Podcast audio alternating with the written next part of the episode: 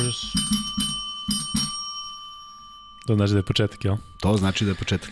Dobro, čuli ste početak, e, deveti podcast sa Kuzmom i sa Lukom, ponedeljak je što znači da se bavimo domaćim temama, odnosno Zvezda Partizan, nema reprezentacije, ali će zato biti malo NBA-a i ubacit ćemo rubriku na kraju, topla priča ili anegdota. Ja i Kuzma biramo između ta dva, nešto što se desilo ili nečega što, čega smo se setili, u svakom slučaju malo ćemo da izađemo iz tih dnevnih tokova na kraju podcasta. Ako izdržite do kraja podcasta, krećemo sa Zvezdom. Ako ne izdržite, onda ovaj, pogledajte iz nekoliko navrata. Tako je. Kuzma, kako si? Dobro, dobro, dobar dan danas. Odlično, to mi je drago. I meni mogu ti reći onako prilično e, sadržajan. Ali mi se bavimo košarkom i vreme je da krenemo od Zvezde. E, nedelja iza Zvezde, iza nas je bila uspešna, složit ćemo se, tako? Izuzetno uspešna, da. E, Barcelona, krećemo od Barcelona, jako delo da je bilo prilično daleko, zato što su da. Barcelone da. bili i Bayern i, i Borac, ali Barcelona, ja da ti iskreno kažem, stvarno nemam problem da Zvezda izgubi od Barcelone, onako, u onakoj atmosferi, dakle, ako treba da se izgubi, nek se izgubi onako. Sećaš se da je bilo na kraju tri šuta, da je ušla jedna od one tri trojke, to bi bio egal, ko zna šta bi bilo, ali kažem ti, jeste na kraju bilo 7 poena razlike, pa ne može da se kaže da je bilo na jednu loptu, ali znamo kakva je bila završnica. Sa sve Đokovićem prisutnim, sa onakvom atmosferom za koju smo ja i ti konstatovali ti prvi u smislu da, da, da si duže E, redova na Zvezdi, rekao si da zaista onako nije bilo dugo, toplo, da. ajde da kažem. Da, i zaboravio si uz Đokovića, uz dobre partije Barcelone i Zvezde i prisustvo Nikole Mirotića. Tako što je takođe uveličalo ovaj, taj događaj iz prostog razloga što publika voli da ga vidi posle svega što je uradio za, za srpski narod širom regiona, jedan čovjek koji nema mrlju u svojoj karijeri, jedan čovjek koji nema reakciju negativnu, jedan čovjek koji se zaista bavi košarkom na onom nivou jednog profesionalca. Pričali smo, ako se sećaš, da li će malo povući ručnu, pa smo konstatovali da to ne bi bilo u redu prema igri i prema onome kakav, kakav je on čovek i kakav je on igrač i nije spustio ručnu, jednostavno mislim da je bio dobro zaustavljen u jednom dobrom delu utakmice, ali na kraju opet neke stvari koje su se dešavale, dešavale su se zahvaljujući njemu i Barcelona je zasluženo slavila, a potpuno si u pravu i za činjenicu da Zvezda može izgubiti svaku utakmicu na taj način i neće biti čoveka koji će da prigovori bilo šta iz prostog razloga što navijači oni pravi navijači znaju i osete odmah energiju ekipe kada je, kada je tu dat maksimum. Na toj utakmici je bio malo možda i više od nekog maksimuma u tom trenutku i iako nisam neko ko će svesti utakmicu u jedan moment, zaista mi je žao što je na tri razlike za Barcelonu, ona lopta koja se odbila od, od, od Šanlijeve ruke završila u autu, što makar nisu nekako, ne znam više ni pravila, jer se stalno menjaju ta pravila kad ko šta gleda, ali to je bio zvezdin nalet i ta lopta koju Kalinić pušta, a može da je uhvati sa, sa ubeđenjem da je lopta za crvenu zvezdu, odlazi u aut i biva dosuđena, dodeljena Barceloni. Nije to uticalo na rezultat, da se ne lažemo, Zvezda ima četiri šuta, maltene cela petorka da. je šutirala pred kraj, nisu uspeli da pogode taj jedan koš koji bi doneo egal, uveo malo Barcelonina igrača u nervozu, evidentno uveo Jasikevičiusa u nervozu, jer ja mislim da je uh, uz uh, one reči koje, koje on izgovori nisu reči Kurtoazije, da je zaista očekivao težak meč i da je ovaj, taj meč mogao da ode u jednom drugom smeru za jedan taj koš koji bi možda prelomio jednu izuzetnu igru Barcelone i jednu izuzetnu požrtvovano zvezde da se nikako ne preda do samog kraja. Što je u krajnjem slučaju i oličenje čak ne samo Crvene zvezde, već uopšte timova sa ovih prostora, da, da, da kad igraju protiv boljih žele baš da, da urade sve što je moguće da bi, da bi savladali te, ajde da kažem, protivnike koji, protiv kojih ne igraš svaki dan. Ja ne kažem da treba da postoji razlika u Euroligi u odnosu koji je protivnik i to je pokazala publika već na sledećoj utakmici da su jednostavno osetili moment da treba da podrže igrače u, u, u, u jednoj možda manje interesantno, manje, manje zvučno ime je došlo u Beograd, ali podjednako teška i važna utakmica i izuzetno lep završetak i izuzetna atmosfera i na toj utakmici. E, samo kratko da se zadržimo na Barceloni kada već pominješ Mirotića, reći ti da smo se sreli pre utakmice, da je momak fantastičan, ja sam mu rekao dakle da će šta će biti, odnosno da će da će ga pozdraviti publika 12-13 minuta ranije da bude spreman na tu opciju kažem ti on se oduševio verovatno je znao da, da će da, biti kažem da, ti da. momak toliko zrači pozitivnom energijom kažem ti sada govorim bukvalno u četiri oka šta smo pričali on se meni bog zna kako zahvaljuje koji sam samo rekao šta će protokolno da, da, da, da, da. bude tako da sve pohvale za Mirotića i zaista i posle ono sa navijačima dečko koji je očigledno toliko prirodan i toliko pozitivan deluje mi da zaista nema trunke foliranja kod njega i zaista sve pohvale Prelazimo na Bayern. Mislim da je Zvezda odigrala e, jednu od najbitnijih utakmica ove sezone, da se izgubilo protiv Bayerna, mislim da bi već onda bilo problema, bilo bi mučno protiv borca. Ovako, ono što smo pričali, Olimpijakos, Barcelona, Bayern, dve pobede i jedan muški poraz, ajde da kažeš, da. Na, na, na, na onaj način. E, opet treba reći da je Bayern stvarno igrao sreda petak i gostovao, a Zvezda igrala utorak petak. Ponovo se vraćamo na, na sistem takmičenja to jeste bila prednost na Zvezdu, ali što se tiče utakmice, stvarno je Zvezda od prvog do 40. minuta odigrala borbeno, što je u, u stvari i suština svega. Jeste, i kontrola igre je bila čak i onim momentima kada je gubila. Dakle, nisu gubili glavu, što je pre svega jedna od najbitnijih stvari. Inače, u tom povratku kod, kada se vratio Dejan Radonjić nekako deluje da i u tim porazima zna se ko šta radi što je vrlo bitno. Dakle, jeste poraz poraz, ali zna se kako može da se izgubi jedna utakmica. Bayern je bio, ne mogu da kažem biti ili ne biti, ali zaista je mnogo lepše vidjeti skor Zvezde sada nego, nego da je da je usledio poraz. Uh, imali su dva gostovanja, potpuno si u pravu, baš kao Zvezda Baskoniju i Real vezanu. Uh, Da, Zvezda je to prošla, isto tako znači zna kako da, je. Svakome će se, da, svakome će se očigledno tako nešto desiti i ono u što sam ubeđen da u ovom drugom delu sezone ipak gledamo kudi kamo lakši raspored za Crvenu zvezdu, što znači da povratkom Vajta e, i kompletiranje ekipe, to može da bude obrnut skor, što bi već bila jako dobra uvertira za neki, za neki onaj ostvarenje onog sna a, plasmana među osam. Zato što mislim da sve što je izgubljeno može da se nadoknadi u narednom periodu. Ako Zvezda bude igrala ovako. I to sam uvek apostrofirao. Ja, e, kad god smo najavljivali utakmicu, zašto verujem u pobedu? Zato što verujem da Zvezda može da igra ovako. Kada Zvezda ne igra ovako, nije, nije, neće, neće se pojaviti igrač koji će sam da reši utakmicu, da se razumemo. Dakle, e, Zvezda funkcioniše po principu jedne mašinerije koja ima svoje šrafove i ja sam, ja sam neko ko, ko obožava tako koncipirane timove. Ne mora da bude velikih imena, iako mislim da je Kalinić uh, već čovek koji je, ako ništa drugo, u ovoj sezoni potvrdio koliko je uh, sazreo, koliko je čovek na kojeg može se osloni bilo koji trener, na koji, na koje, koji može da igra u bilo kom klubu u Evropi bez ikakvih problema, zaista donosi jedan fantastičan doprinos, ali svi ostali igrači upotpunjuju tu igru, inače to ne bi bilo to. Uh, ajde reci. E, ne, kažem samo mm -hmm. Zvezda protiv Barcelona 3 od 20 za 3, protiv Bayerna 10 od 18 za 3, da, a uopšte se ne vidi ta razlika. Da. Dakle, Zvezda e, je jednu i drugu utakmicu odigla dobro, ovde u e, završnici dobila, a ovde izgubila. Da, ulazimo. Što je pozitivno u smislu da. šutiraš 3 od 20, a igraš Egel s Barcelonom. Da, ali ulazimo sada u taj zašto je u stvari ta prva utakmica možda i realno, zato što i Barcelona nije bila u najboljim da. procentima, ali druga utakmica je potpuno potpuno šokantno, dve stvari su potpuno šokantne. Zvezdin šut za tri, koji je napokon došao u neku normalu i to se ponovilo i na utakmici protiv e, borca za nijansu čak i bolji procenti, ali ono što se desilo na utakmici protiv Bajerna je nešto što nije zabeleženo dugo. Naime, Bayern je imao više skokova u napadu nego u odbrani. Ako uzmemo da je 19 Tako je. Ako uzmemo da je skok u odbrani proizvod lošeg šuta Zvezde koji je bio dobar, ili tako, onda je negde i logično da, da, da bude manji broj skokova, manji od uobičajenog, ali da bude tolika razlika uh, u ofenzivnim skokovima od kojih pouzdano znam sreo sam Sašu Kosovića uh, koji je, koji je ovaj, deo stručnog štaba i rekao mi je da je 18 poena postignuto ih tih iz tih 19 skokova. Otuda egal utakmica, jer Zvezda je u svim parametrima bila bolja, sem u tom i da ne grešim dušu, da ne ide sve na račun igrača ili da, da, da ne bude da je Radonjić ljut na svoje igrače zato što nisu dobro gradili. Imaš onaj moment uh, jednog prostora u reketu koji kada se najbolje zagradi svi svoji uh, čuva, sve igrače koje čuvaš, ostaje jedan prazan prostor koji u stvari je taj u koji redko pada lopta.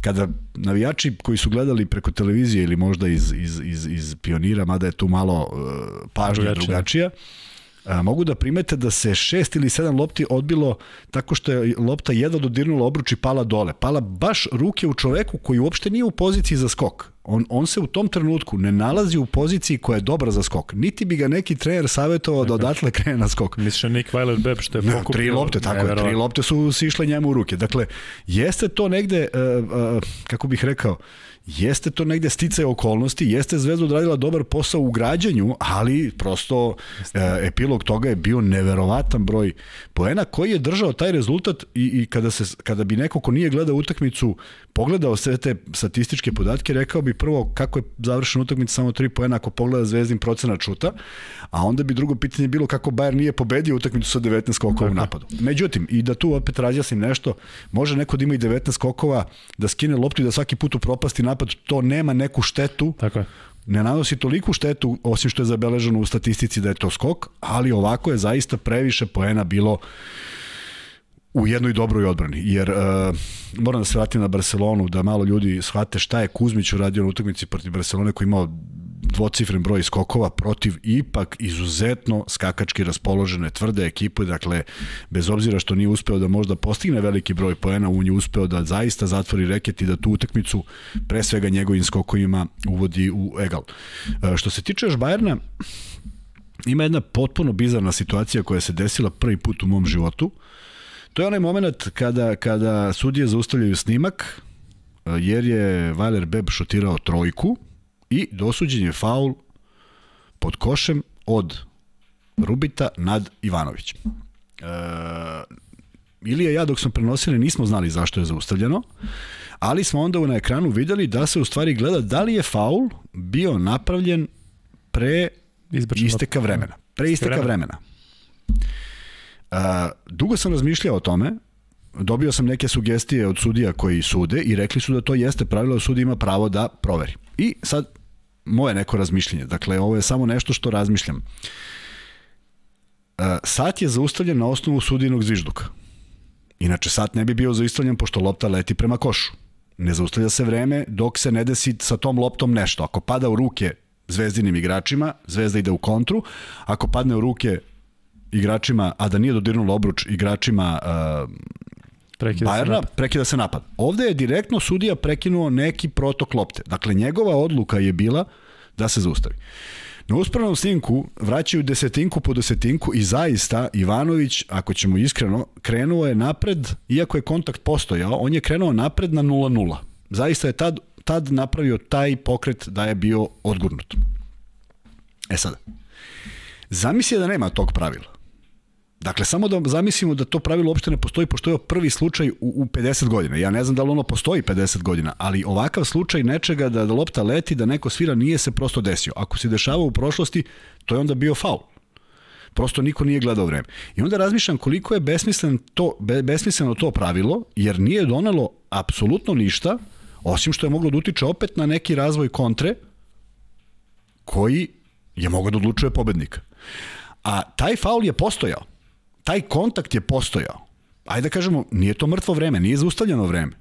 Uh, sa Ilijom sam pričao, ako bi posljednji minut utakmice, posljednjih 5 sekundi, ti napravio faul u kontaktu, želeći da im onemogućiš napad, možda bi to bila i namerna, ne možda, nego bi bila je, namerna da, greška. To je taktički, onda mežnje se. Tako je, da, možda je ovo bilo taktički, otkud mi znamo šta je Rubit mislio u svojoj da, glavi. Da, tako. Da. Dakle, bilo bi divno da uopšte nema pravila, jer ne sećam se momenta da, da ikada bilo primenjeno do sada, a potpunu konfuziju je napravilo zato što su se svi izgledali na terenu i garantujem da niko nije znao šta je.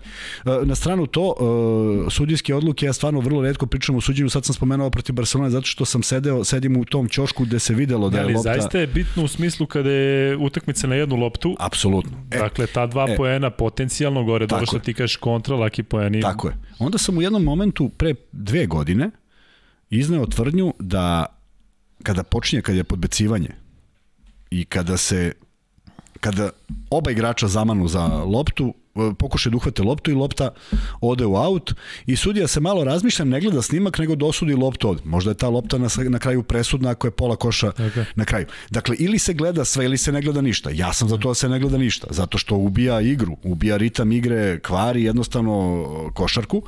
Na sve to da se složim da to pravilo postoji. Dakle, mi nismo pričali o tome šta se sad desilo u smislu pravila, nego jednostavno da se pojednostavi igra u Euroligi, da ne bude toliko prekida, da ne mora sve da se gleda, da prosto mora da postoji neki, neki, neki uticaj sudije, taj trenutni, jer ovo što je VAR doneo o futbalu, ja sam zaista mislio da će to biti kamera na gol liniji i sad se ustanovljava da li je lopta prešla, da ne bude nepravde koja ne može da se ispravi.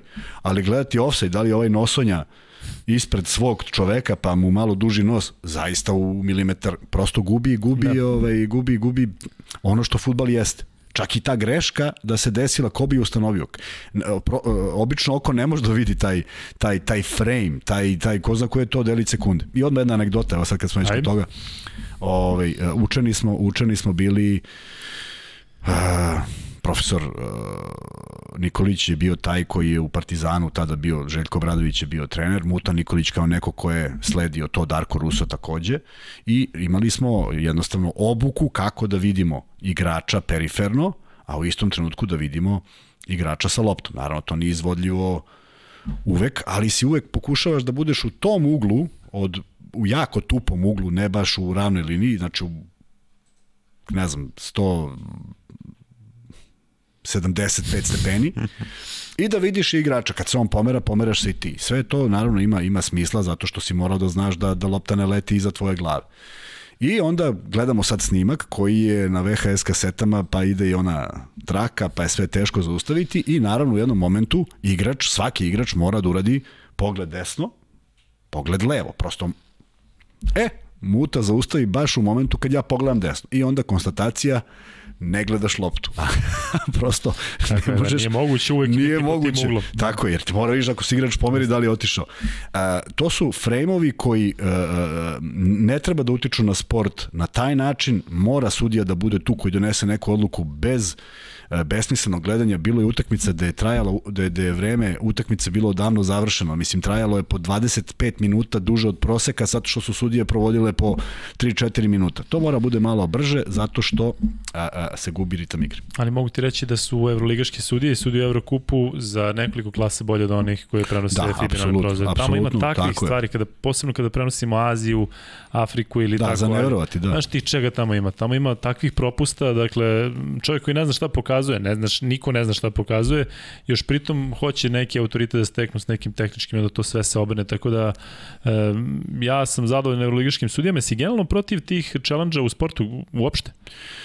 Zato što recimo u tenisu i odbojci... Tenis ima smisao, tenis ima smisao. I odbojka, znači odbojka je sport odbojka... gde stvarno unosi pa... čak šmek neki, čeka se pa da se vidi da li kačilo prst, dakle kažem ti meni u odbojci uopšte ne smeta. Ali odbojka ima svoju pauzu, je li tako? odbojka ima svoj ritam igre, ne igraju, ne igraju konstantno. Da, to jest. Lopta i kad ode u auto, oni prave pozdrav, pa to traje neko vreme. Tenis, kada bi merili tenis koliko se zaista igra, ne igra se ni približno koliko traje meč, je tako? Dakle, ima tu sve svojih, ali to su, to su ovaj, uh, uh, sportovi uh, u kojima lopta ide brzinom od 100 km, 200 km na sat, zaista obično oko ne može da. stalno da vidi. Dakle, moguća je greška koja može stvarno da utiče na tok meča i treba pogledati. Košarka i futbal mislim da još ne treba da budu tako rigorozni, jer onda se postoji pitanje pa čemu služe. Može da se da, da kamera beleži kad je kontakt, kad nije. Znaš šta, meni ne smeta toliko uh, ta tehnologija i sve što se radi, čak ni oko vara. Ali ono što mi baš smeta je kada ti uh, vidiš snimak i opet doneseš da, done, Dakle, to je onda te, smo kažem, svi ludi koji smo gledali. Ali tako bukvalno, kažem ti, onda pomisliš, pa čekaj, o čemu se radi. Znaš, ali bio jedan sudija koji ranije pričao, dešava se i meni da sam umoran, da me iznervira žena, da ne znam šta, da jednostavno nisam koncentrisan. I on rekao, zato je dobar var da stvarno vidim da li sam pogrešio ili nisam. Tako da, generalno, sa challenge-ima i sa varovima ja nemam problem, osim kada se zloupotrebljava i kažem ti kada se gleda tako nešto što ti kažeš cela hala ne zna šta, igrači ne zna šta, da, da, da, ne zna da, šta. Da. Um, što se tiče utakmice sa Bayernom, samo još kratko, um, baš se videlo da je Radonjić bio u Bayernu, da pozna ekipu i baš se videlo da je Trinkieri bio u Partizanu, da zna igrače Zvezde. Kažem ti, ono je baš bilo nadmetanje, tačno tako se je. zna svaki... Tako je, Voldana znaju svi igrači. Tako je. Naš, I pritom, je... znaš, nema mnogo ispadanja sada da neko može nekoga da iznenadi ne znam čime. Dakle, baš nijansi, kažem ti, meni je ono bila jedna od najboljih košarkaških utakmica ove sezone. Apsolutno se slažem sa atmosferom koja je bila jednako dobra tako kao je. protiv Barcelona. Tako je, i moramo da nešto spomenemo, to je učinak Lučića koji je bio zaista maestralan u toj utakmici. E, sve ono što je postigao, to je jedan ozbiljan, ozbiljan rad, ozbiljan kvalitet. Dakle, to nisu bili poeni koji su se dešavali slučajno ili mu neko dao na zicer i on samo poentirao. Zaista je vukao svoju ekipu. Osetio je da je ovo moment kada on treba da povuče posle tih napornih putovanja, neko kod trenera ima apsolutno poverenje, ima i kada igra sa manje tih brojeva koji se vide, nego kad igra samo da, da, da, da, da bude jedan od igrača u, na terenu. E, pogodio je neke šuteve koji su zaista teški. E, Bayern je bio u, u, krać, u skraćenoj rotaciji. Nije, nije mogao da računa trinkeri na sve igrače, zato je između ostalog Lučić je preuzeo neku ulogu lidera, a, pogotovo što se nalazi u Beogradu i to, to svaki igrač prosto želi. Znaš, kogod se vrati u, u svoj grad želi da, da, da ostavi najbolji utisak, odigrao izuzetnu utakmicu. E, mislim da je i navijanje bilo onako kada pričamo o delu folklora, kako se navija, da je bilo sasvim korektno.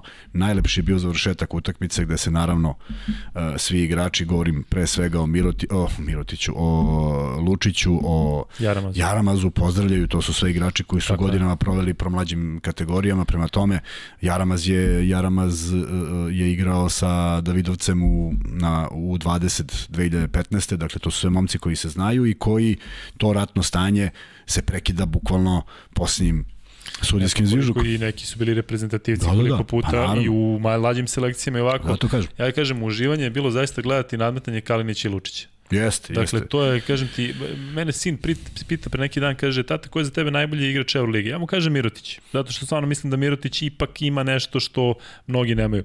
Ali kada pomisliš Kalinić i Lučić, zaista mislim da su top 5 kada govorimo o onome što pružuje ekipama. O, ono što, što su oni pravi je. lideri, ali nisu oni lideri koji će da 30 poena da veže tri tako trojke. Je. Kažem ti, te Lučić je pogodio nakon pioniru koji se trese kada on izvodi slobodno bacanje, pogodio je lagano sva tri penala u bitnim trenucima.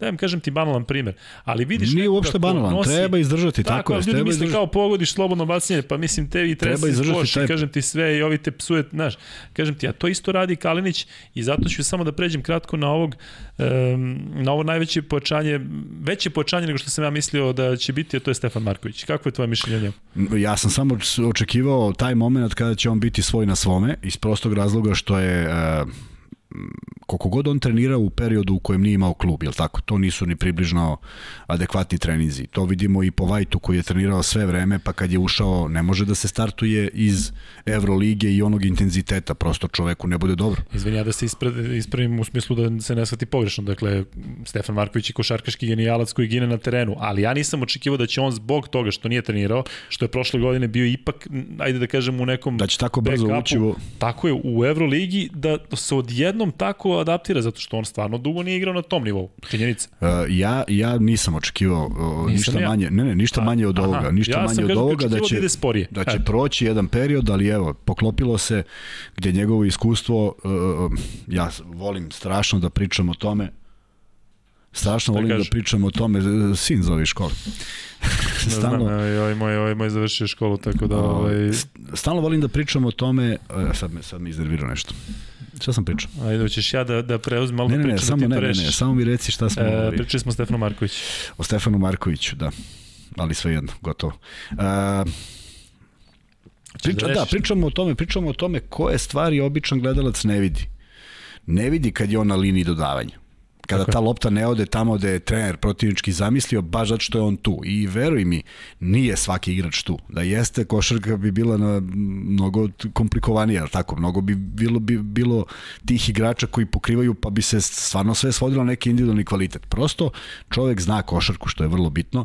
Prošao je mnogo toga i samo je bilo pitanje vremena kada će noge da počnu da slušaju ono što glava, što glava zamisli. To A, nije tako lako. koliko stvarno ono, sećaš se onih bilo onih klipova kada Duda objašnjava na time outu, a Marković govori šta treba nikom drugom nije jasno, a on prati. Ja mislim da će Marković jedan trenutku biti fantastičan trener, ali kažem ti, iz ugla gde sam ja, tačno se vidi da on unapred sve zna. Znači on njima kaže, e, bit će time out, izlazi ovaj, dakle, neverovatno koliko prati igru. A i taj odnos sa, sa sudijama je fenomenalan, zato što on uvek ne vici faul. I znaš, i kada cela dvorana skoči, vidim ja sudija mu namigne, bio on kaže, jeste, bio je. Kažem ti, jednostavno drži košarku u malom prstu i zaista mi je žao što je on ipak veteran. Ipak on je pre 3-4 godine rekao da neće više igrati za reprezentaciju. Da, da, da, pa dobro, stižu, stižu povrede, u ozbiljnim, stiže. Tako, tako, u ozbiljnim košarkaškim godinama. Ali ima, ima, jedna, ima jedna stvar koju si mi sad, lep šlagvort si mi dao, uh, jedan, jedan pocenjen igrač svog vremena, po njemu su išle različite, uglavnom neke loše konotacije, Uh, meni je meni izuzetno bilo bila velika čast što sam uspeo s njim da igram čak uh, četiri sezone, Željko Topalović. Centar koji je bio atipičan, imao je poseban stil igre, I svi su zamerali što on širi laktove dok igra, iako ja pouzdano znam da nikada nikoga namerno udario nije, pogotovo ne u nekom sukobu koji je van koš, košarke, dakle da nekoga... Ali pričao si mi jeste kada ga neko iznervira. Kada ga neko onda iznervira, onda, čak onda, si mi govorio taj onda da. bude poprilično da. ozbiljno. Da. zašto sam ga spomenuo? Zato što mi je, kažem, bilo zadovoljstvo da igram s njim. Inače, kroz sve svoje klubove, stvarno mi je drago što sam igrao s ljudima koji su znali košarku. A znali košarku u smislu ala Stefan Marković. Dakle, poznavali su uh, šta, gde, ko, kako. Znali su gde treba da budu, dakle, govorim o Milenku Topiću, govorim o uh, Harisu Brkiću pokojnom, govorim o Dejanu Tomaševiću, govorim o Igoru Rakočeviću koji je imao one godine kad smo bili u Zvezdi, ali kad smo došli u budućnost potpuno drugačiji, drugačiji pristup svemu tome. Čurević, pa spada. Dejan, Dejan Radonjić koji je sve svoje, on nema predispozicije košarkaške. Nadam ne. se da se neće naljutiti ako gleda ovo, ali prosto on je koristio, on je koristio 140% svog intelekta košarkaškog da da poentira. Kad je igrao Jeste, za Jeste znali tada da ko će otprilike biti trener koji ima to? Se tada znalo kada pa ste igrali? Ne, pa ne, znači, ne, ne. U smislu da je pokazivao na time outu nešto da on vidi...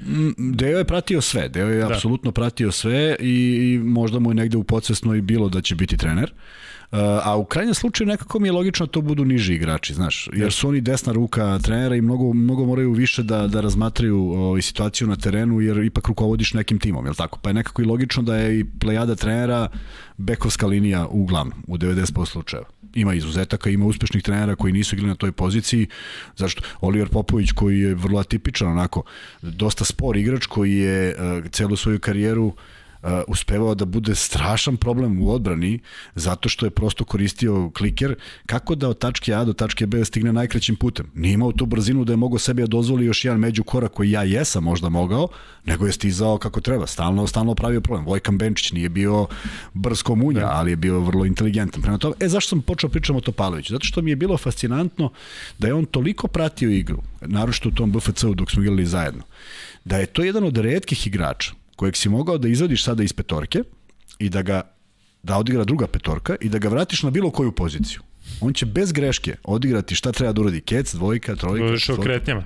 Govorimo o kretnjama koje on da. sabrao i uopšte se ne bi iznenadio kad bi on bio na mestu playmakera, treba postavi napad, on bi odigrao isto što treba da uradi i playmaker, da. znaš. E to su to su kad govorimo o kvalitetima košarkaškim kako ti doživljavaš igru, kako doživljavaš ceo tim i, i, i da znaš gde se nalaziš. Kad kažem gde se nalaziš, pogledaj uh, ta dva snimka protiv Barcelone i protiv Bajerna, pogledaj Stefana Markovića u, po, u pozicijama na terenu gde se on nalazi ispod koša, gde kako poleti lopta on napravi faul, zna na semaforu da je tek drugi, okay. znači nema nikakvih dilema. Sve drži, sve, pa upravo, kažem, upravo. Oni, tako da je... imaš igrače koji ne prate čak nekada se iznenade kada vide da je ekipa u bonusu. Ja ti garantujem da Stefan Marković zna bukvalno svaki faul, da ga sad vratiš protiv Bajana, on biti sve... Ovaj... Neću imenovati jednog igrača koji je dobio u jednoj vrlo bitnoj utakmici protiv mog tima.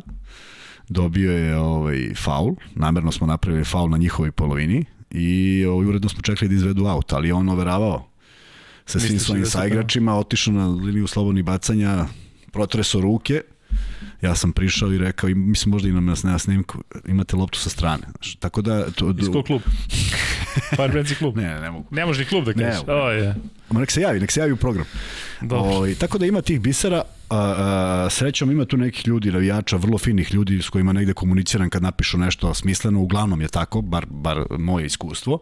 Ima jedan momak koji Stefan Marković šta će, kako će i meni je drago što je ostalo zapisano, od doslovce sam napisao šta će i kako će da bude. Dakle, ne možemo da očekujemo da čovek uđe na teren i odigra Naravno. nešto što, što, što, za što treba vremena. Međutim, polako se slažu kockice i ajde da pređemo sada kad smo već u slaganju kockica, pređemo na utakmicu protiv borca. Samo kratko pre borca, da, gde je Željko Tpalović? Željko Topalović, ja to evo sad jedna, jedna neplaćena reklama, jer meni uvek drago da, da o tome pričam. Željko Topalović se posvetio u gostiteljstvu na Zlataru, odakle on rodom, on je iz Nove Varoši. Napravio je hotel koji se zove Zlatarski zlatnik. I taj hotel je faktički prva, prvi hotel koji se, na koji naletite kad se penjete na, na Zlatar, odmah sa magistrale. I specifično to hotela je što je sve svojim rukama napravio. Dakle, sve što vidiš u hotelu, ne samo naravno spoljne zidove, to, to je morao da ima pomoć. Dakle, svaka pločica, svaki komad nameštaja, svaki tapet, sve što postoji je on uradio sam. To je trajalo jako dugo. Mislim da je mnogo... Lekser je zabadao dan.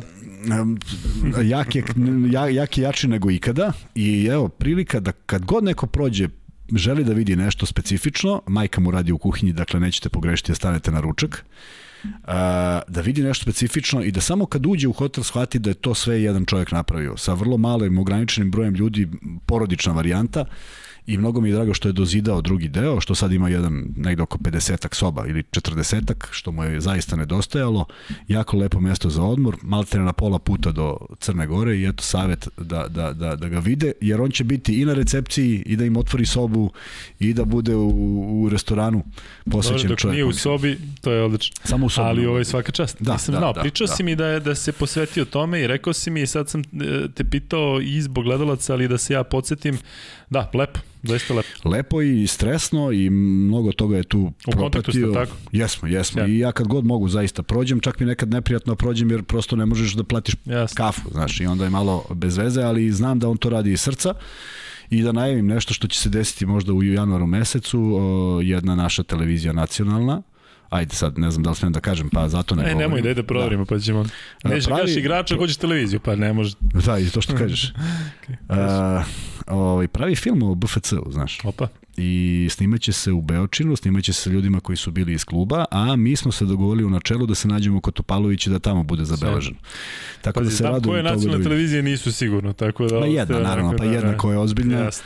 ali ajde dok ne krene sve to, reklama će biti lako da, da izreklamiramo. U svakom slučaju mislim da ćemo se u januaru negde svi okupiti e, na, kod njega.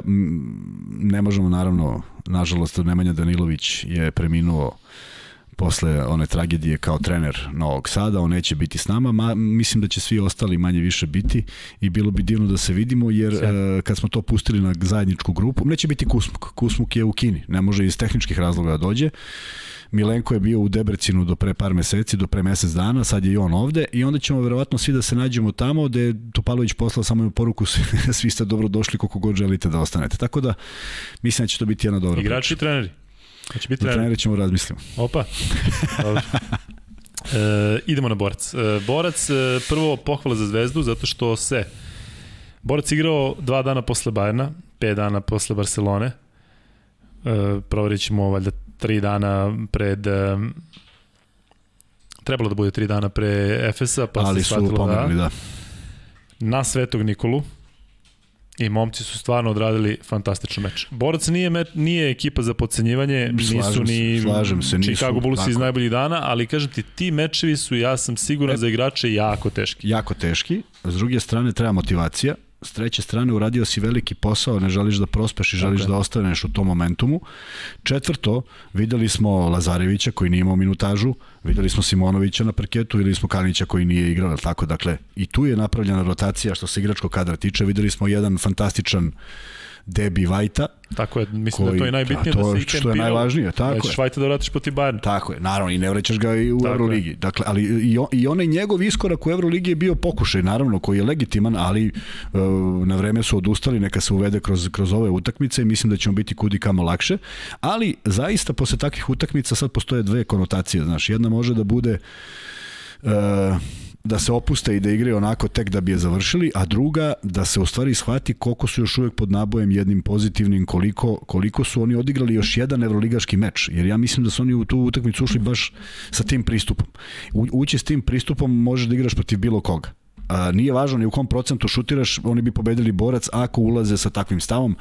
A, verujem da je, na primjer, Lazarević bio željan igre, da je Simonović bio željan igre, da je Cirbes i Kuzmiću se iskombinovali, da je samo Luka Mitrović imao manju minutažu, verovatno su procenili da nema razloga ni za to i svi srećni i zadovoljni, osim borca, naravno, koji je naletao na jednu raspoloženu zvezdu, ali a, to je jedna dobra uvertira pred Efes, zato što a, govori o tome da su nekako svi malo podigli formu, naročito u onim procentima a, za šut, što je vrlo bitno, uh, veliki broj asistencija, što je ok, uh, olakšavajuća okolnost u, u nekim utakmicama kada ipak igraš uh, kada ne igraš evroligašku utakmicu gde govorim da su ovi ljudi koje, koje sam, koje, za koje mislim da postoje u Evroligi, a to je oni koji utiču na kvarenje igre. I dobro uvertira za Efes gde Zvezda nema šta da izgubi na tom gostovanju, može samo da dobije, može da iznenadi ekipu Efesa koja ne igra uh, u onom uh, stilu kao prošle sezone, i kao pretprošle sezone, da se ne lažemo. Pazi, meni se čini da oni igraju baš u tom stilu u smislu da podižu formu taman da budu Ja bih volao da, da verujem u to da to može tako da se da se tempira, ali bojim se da Isti da to tim, ne ide isto tako sve, da. kažem ti meni deluje da je to kažem ti čak i kada im pogledaš skor, isto su tako bili jedno vreme 12 10 pa onda lagano pa dobiješ neke bitne mečeve na strani Makabi se Sve meni to deluje... stoji, ali jedna povreda to poremeti potpuno, jeste, znaš, ne da jeste, ja, ja ih ne jeste. želim i ne priželjkujem, naravno, želim da se igraju punim sastavima, ali to tempirati na taj način može da bude i nezahvalno, može da bude kontraproduktivno. Da u ostalom, da se, da se razumemo, jedna fantastična sezona iza njih prošla i pretprošla i dolaze na gotovo na gotovo 2-0 protiv Reala i treću utakmicu završavaju pre vremena, je li tako? tako I je. sve je moglo da se pa, sluši samo da je dakle, tako, kako su se izvukli niko ne da Simo nije postigao onu trojku, pitanje je šta je bilo. Dakle onda bi to bio jedan veliki uh, udarac, veliki da. udarac za taj klub. Ovako oni su prošli, usvojili zasluženo titulu, ali ove sezone će svako pokušati da ih da ih zaustavi i mislim da Zvezda ima svoju šansu u svemu tome. Naravno, još jedna ovakva utakmica, još jedan ovakav pristup i to bi bio ozbiljan korak e, napred, zato što je onda sledeća utakmica Zenit, gde ne mislim da će Zvezda onako lako odigrati protiv Zenita u revanšu, mora da igraju opet sa 105% snage, i, ali se nadam da će napokon biti kompletni.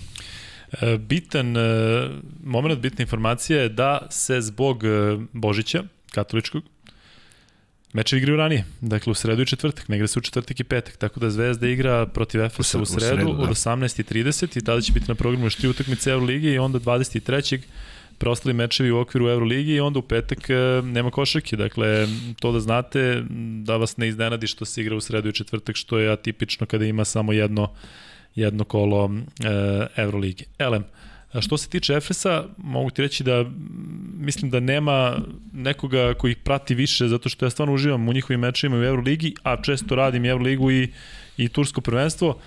E, a prvo mi ti reci, da li ti se čini da nekako Zvezda e, ove sezone postaje onako simptomatično da u prvoj četvrtini kako igra, tako otprilike bude ceo meč. Ja nisam vidio možda Monako ili možda još neki primjera, da Zvezda sada turbulentno, da ne znam, odigra sjajno prvu četvrtinu, ali kako im je prva četvrtina, meni delo da im je takav meč. A isto je tako za Efes, u smislu Efes ako napuni protivnik u prvoj četvrtini, vraćati se protiv Efesa na njihovom terenu kada ih krene šut, kada su i Micić i Boboa i, i, i Larkin, kažem ti, mislim da je od prve četvrtine zavisi više nego, nego na ostalim mečima. Ima, ima, ima ona priča u prethodnom Radovićevom mandatu, treća četvrtina u kojoj se sve dešavalo i zaista se stvarno tako pogađalo, da li uđu malo sveži u, u glavi u, posle poluvremena, da li dobiju neke direktive, da li shvate gde su grešili, u svakom slučaju stvarno je ta neka treća trećina, trećina bila odskočna daska u onoj seriji pobeda koju je Zvezda svoje vremeno imala. E, sada je to zaista pokazatelj, e, ajde vratimo na jednu možda ne evroligašku utakmicu, ali protiv Gokeje, gde su oni pustili da Gokeja igra prvu četvrtinu i prvo poluvreme i onda je jako teško bilo stići te igrače koji su u naletu, kamoli neku evroligašku ekipu. Dakle, uh, ono što se desilo Zvezdi na utakmici protiv Unixa, kada nisu realizovali četiri svoja dobra napada, desilo se da su tako otvorili Barcelonu doduše ne sa četiri nego sa tri. Ali sve jedno, to je veliko samopouzdanje, onda su otvorili Bayern sa tri postignuta koša iz isto toliko napada i to potpuno drugačije, drugačije izgleda. Međutim, ono što će Zvezdi biti u, u odnosu na sve ovo do sada potrebno, ta energija od samog početka i činjenica da postoji još jedan igrač u rotaciji, a ja se nadam da će White biti spreman za 10-15 minuta, što bi moglo da donese novi kvalitet, pre svega u onom segmentu u koje je White očigledno dobar, pa i e, da ne bude da je ovo neka bude da je samo početak ovog njegovog šuta za 3 poena, jer kada su Kuzmić Mitrović u kombinaciji, e, manja je opasnost za, za 3 poena. Dakle, veća je koncentracija ljudi u reketu, ovako sa Vajtom će to moći da bude E, šire i žao mi je naravno što se Davidovac povredio zato što je taman bio u jednom dobrom usponu, kad kažem u dobrom usponu, ono što je bitno da jedan šraf u ekipi radi, on je to zaista majestralno odrađivao, imao jednu utakmicu u kojoj je blistao i košgeterski i e, mnogo će značiti kada se i ono poravi, nadam se neće trajati duže od 7 dana, i da će ta povreda biti sanirana vrlo brzo. Je li imaš neke informacije u čemu se Samo znam da, pa distorzija, ali nije drastična, da. Dugo, pa znači, ova nedelja, ova nedelja sigurno, da, ova nedelja sigurno. Tako. E, reci mi Davidovac ili Davidovac? Teodosić ili Teodosić? Vidi ovako, ne, Teodosić, ne, vidi, kako bi, kad bi Teodosić, Teodosić došao i rekao, pitaš. da, njega pitaš i ako je Davidovac izjavio da se preziva Davidovac, ja mislim da to treba da poštujemo okay. sad. Valjda zna čovjek kako se preziva. Jeste, Meni je sve jedno... Ali vidiš, kod Teodosića čovjek zna kako se preziva. Ja kad, ja kad kažem Teodosića, mislim da deo mene umre u tom trenutku. Tako je, pa ne znam, šta da radimo? Mislim, Jeste. tako se prezivaju. Ja sam u Crnoj Gori su me zvali Kuzmanović i da sam poreklom iz Crne Gore, verovatno bi se tako tražio da me zovu i ovde. Dobro, toliko što se tiče Zvezde, prošli smo sve što su radili, bavili smo se tim mečom protiv Efesa koji je u odnosu na ovaj naš um, podcast pliki brzo neki 48 sati. Kuzma, ili imaš nešto protiv da pređemo na Partizan ili hoćeš, ne, ne, da, hoćeš još nešto iz, iz Euroligi da pomenemo? Ne, ne, ne, ne bilo Hoću samo da kažem kratko da ne, ne, ne, bilo možda, dosta. čekaj, čekaj, imamo, imamo da se možda ispravimo. Ja sam o Unixu govorio dosta loše, oni momci stvarno kidaju. Sad će oni da padnu. Pa, pazi, da pobediš ne znam, test igraju, kao igraju, tako. tako je, da ih baš razbucaju. Ja mislim da on ima rok trajanja, ali kažem, prihvatam da sam ja mislio da će, da će oni već protiv Zvezde da krenu, ali tek sada taj meč protiv Zvezde se vidi da nije slučajno što je Unix ovde dao Zvezdi 98 pojena u, u Pioniru. Nije uopšte. Kažem ti, CSKA da ti, nikada nisam vidio ni jedna ekipa da protiv CSKA u Moskvi, nikada, da. znači ja kažem, da onako bude dominantna od početka do kraja. Dešavalo se da neko dobro počne. Veliki da udarac za CSKA, ne Tako samo je. zato što je uh, poražen, nego što je ruska ekipa koja pretenduje da iskine sa trona i zaista ozbiljno. Čudo su im plate skratili. Pa 10% za januar. To to već to e, e tu, tu, tu sam tu sam ovaj uh, kada sam upoznao Amerikance prvi put na mom odlasku iz iz zemlje, kad sam otišao u Charlotte, tamo je bilo 3 4 5 Amerikanaca, jedan Britanac i četiri Amerikanca. Ridik. Andre Ridik, da, Andre Ridik, Marcus Faison. Marcus Faison, to smo mi zvali Faison. Faison, Marcus da. Faison, odličan bek. Andre Ridik mrša mršić, ali yes. skakao je, leteo je. Uh, bio je tu Ron Ellis, 92. je igrao za New York Knicks. Dobro. I izgoogle ga, ti to voliš. Volim. Ron Ellis. Sad mi, to je Ellis. Meni je odmah Lafonsu u glavu. Jim Potter, Belac, Uh, neverovatan šut za 3 poena. E šta je beš on imao na glavi? Nešto čudno? Neko... Ne, ne, ne, ništa. Baš, baš A, onako jedan iz jednog malog mesta, iz jednog malog mesta pokatela. Mislim, to je verovatno... Da, ali kažem ti, Ridika pamtim po naučarima, da. a njega po nečemu mi je, ne znam šta, da, Bela, šarpe, jedan nešto, belac i bio Roger Huggins. Bio, bio Roger Huggins, Britanac, koji je igrao za Sheffield Sharks kad sam igrao za BFC, da, neverovatno. Tako da smo imali i o, vrlo interesantno što su svi, iako je Markusu u Fejsonu to bila prva sezona, a, Ronu Ellisu osma, Ridiku možda druga. Znaš, svi su bili profilisani evropski. Dakle, ta lopta, toliko smo bili napadački imali veliki potencijal, da ta je lopta kružila. Nikad, stvarno niko nije uzeo šut preko tri igrača. Prosto nije bilo zanimljivo. Jednostavno imali smo jako dobru atmosferu i iskreno ti kažem, taj boravak u Šaloa, ja sam se osjećao, uvek sam volio da kažem, ne znam kako se Bodiroga osjeća u svojim klubovima, ali ja mislim da tamo jedno veliki, jedan veliki respekt, jedno veliko uvažavanje je bilo za sve što smo radili na terenu gde sam ja uvek imao neku sugestiju dolazeći iz jedne škole koja je u tom trenutku za belgijsku košarku, kako bih ti rekao, nebo i zemlja. Pa im pokažeš neke stvari koje možda i nisu znali da urade i oni stvarno spremno urade i ne samo što urade tada da ti pokažu da mogu, nego nastave da, da koriste utakmicu i onda još ostiš još veće zadovoljstvo. E, Ridi Kosta tamo celu karijeru, a? Celu karijeru, da, proveo je tamo. I šta se dešava sad sa klubom? Vidim da ih nema nigdje. Tako? Pa ne, ne, ne znam, čudne su tu odluke bile i tada. Uh, Ali vidim da je sada došao Mons do izražaja, da je tamo postoje neki drugi klubovi e, i čak ni Ostende nije ono što je nekad bio kada je Da, ali ima, ima jedna interesantna priča iz mog perioda, znaš, uh, mog boravka tamo. Naime, uh, Erik Som se zvao čovjek koji je bio iza Šarloa. Šta je on bio? Ne znam, ali je bio faca. To mu je prezime, nisi, nije ti se nešto ne, zamerio. Ne, nije mi se pa... zamerio, da, Dobro. jednostavno tako se desilo. Ima dva M. Dobro. Uh, on je želeo da unapredi belgijsku košarku. I to je izgledalo tako što je on sa Ralfom Biggsom, izuzetno talentovanim igračem koji je igrao za Lijež, potpisao privatni ugovor. Otišao u Lijež i pitao koliko Lijež može da ga plati. Oni su rekli sad ja prim na pamet onako 3000 evra mesečno. Je rekao ok, on vredi 6, ja ću doplatiti 3 kao, kao privatno lice i on će igrati u Liježu.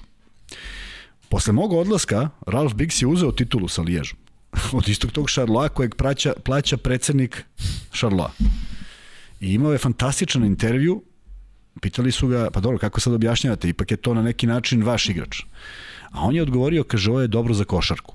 I sad zamisli koliko to onako altruistički zvuči, da je on čovek srećan što je neki lijež, naravno Ralph Biggs je godinu dana kasnije prešao u Charlotte, pa je nadomestio da, da. tu titulu, ali hoću kažem koliko je to nestvarno, koliko bi, koliko bi, koliko bi sve, na primjer, izgledao drugačije. Zamisli da je taj BFC uzeo titulu. Ili zamisli da je Hemofarm došao do titule. To su jedina dva kluba koji izlaze iz, iz, iz, iz okvira Zvezda Partizan, je li tako? I FNP. FNP, Mislim, tako Saba. FNP sa Zvezdom, tako FNP sa Zvezdom. Govorimo o, o, o da, koliko bi da, FNP Reflex je uzeo ABA ligu, tako, tako je. je. Dakle, koliko bi to neke stvari možda, možda zadržalo u nekom drugačijem kontekstu, nikad nećemo saznati, ali govorim o ovome, da je on shvatio da je, zašto je taj Mons procvetao? Zašto je njemu sasvim u redu da jednog dana proceta taj Monsi da donese nešto novo belgijskoj košarci. U ostalom, belgijska košarka jeste u usponu u odnosu na taj period. Da li je on spor? Ja mislim da jeste, zato što su imali sve moguće uslove da to funkcioniše mnogo brže, ali prosto to je njihova stvar. Misliš da u Srbiji nema šanse niko da uzme titulu pored Zvezdi Partizana? Pa nažalost. Koliko daje šanse? 0, Pa ne, ne, ja, ne, vidi sada, vidi sada. Ko, pa evo, vidi sada. Uh, taj, ajde, spomenuo sam BFC, mi smo stvarno bili odlična ekipa, ali jel, misliš da je u tom periodu Borac Čačak zaista bio nešto loši? Naravno da Bili su ozbiljni igrači proti kojih je trebalo da se pomoći i taj Partizan kada ode u Čačak. Sad je toga sve manje, zaista jeste sve manje, govorim na nacionalnom nivou, ne govorimo o Jadranskoj ligi. Jadranska ja liga. Šalim, naravno, naravno da. da. nije moguće ovde godinama unapred. Prosto, da, nažalost, tako smo je. Da. Prihvatili smo taj sistem. Da, nažalost, prihvatili to, smo da, i to je to. Idemo dalje. E, idemo dalje, idemo na Partizan. Pošto smo rekli Teodosić ili Teodosić, reci mi Slask ili Šljonsk, kako pa, hoćeš ja da čitam znam. kako, kao što piše. Mislim, a sad pa... čitaš, a, pa, a ili da pitaš sada čoveka iz Slaska, on bi rekao mi smo Šljonsk. Onda ću da napišem Šljonsk, Šljonsk nemam nikakav problem, dobro, ali ćemo ga napišemo tako.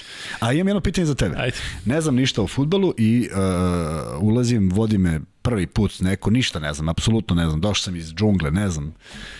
I ulazim i gledam Arsenal. I ja znam malo engleskog i vidim Thierry Henrya. I ja kažem da se on zove kako?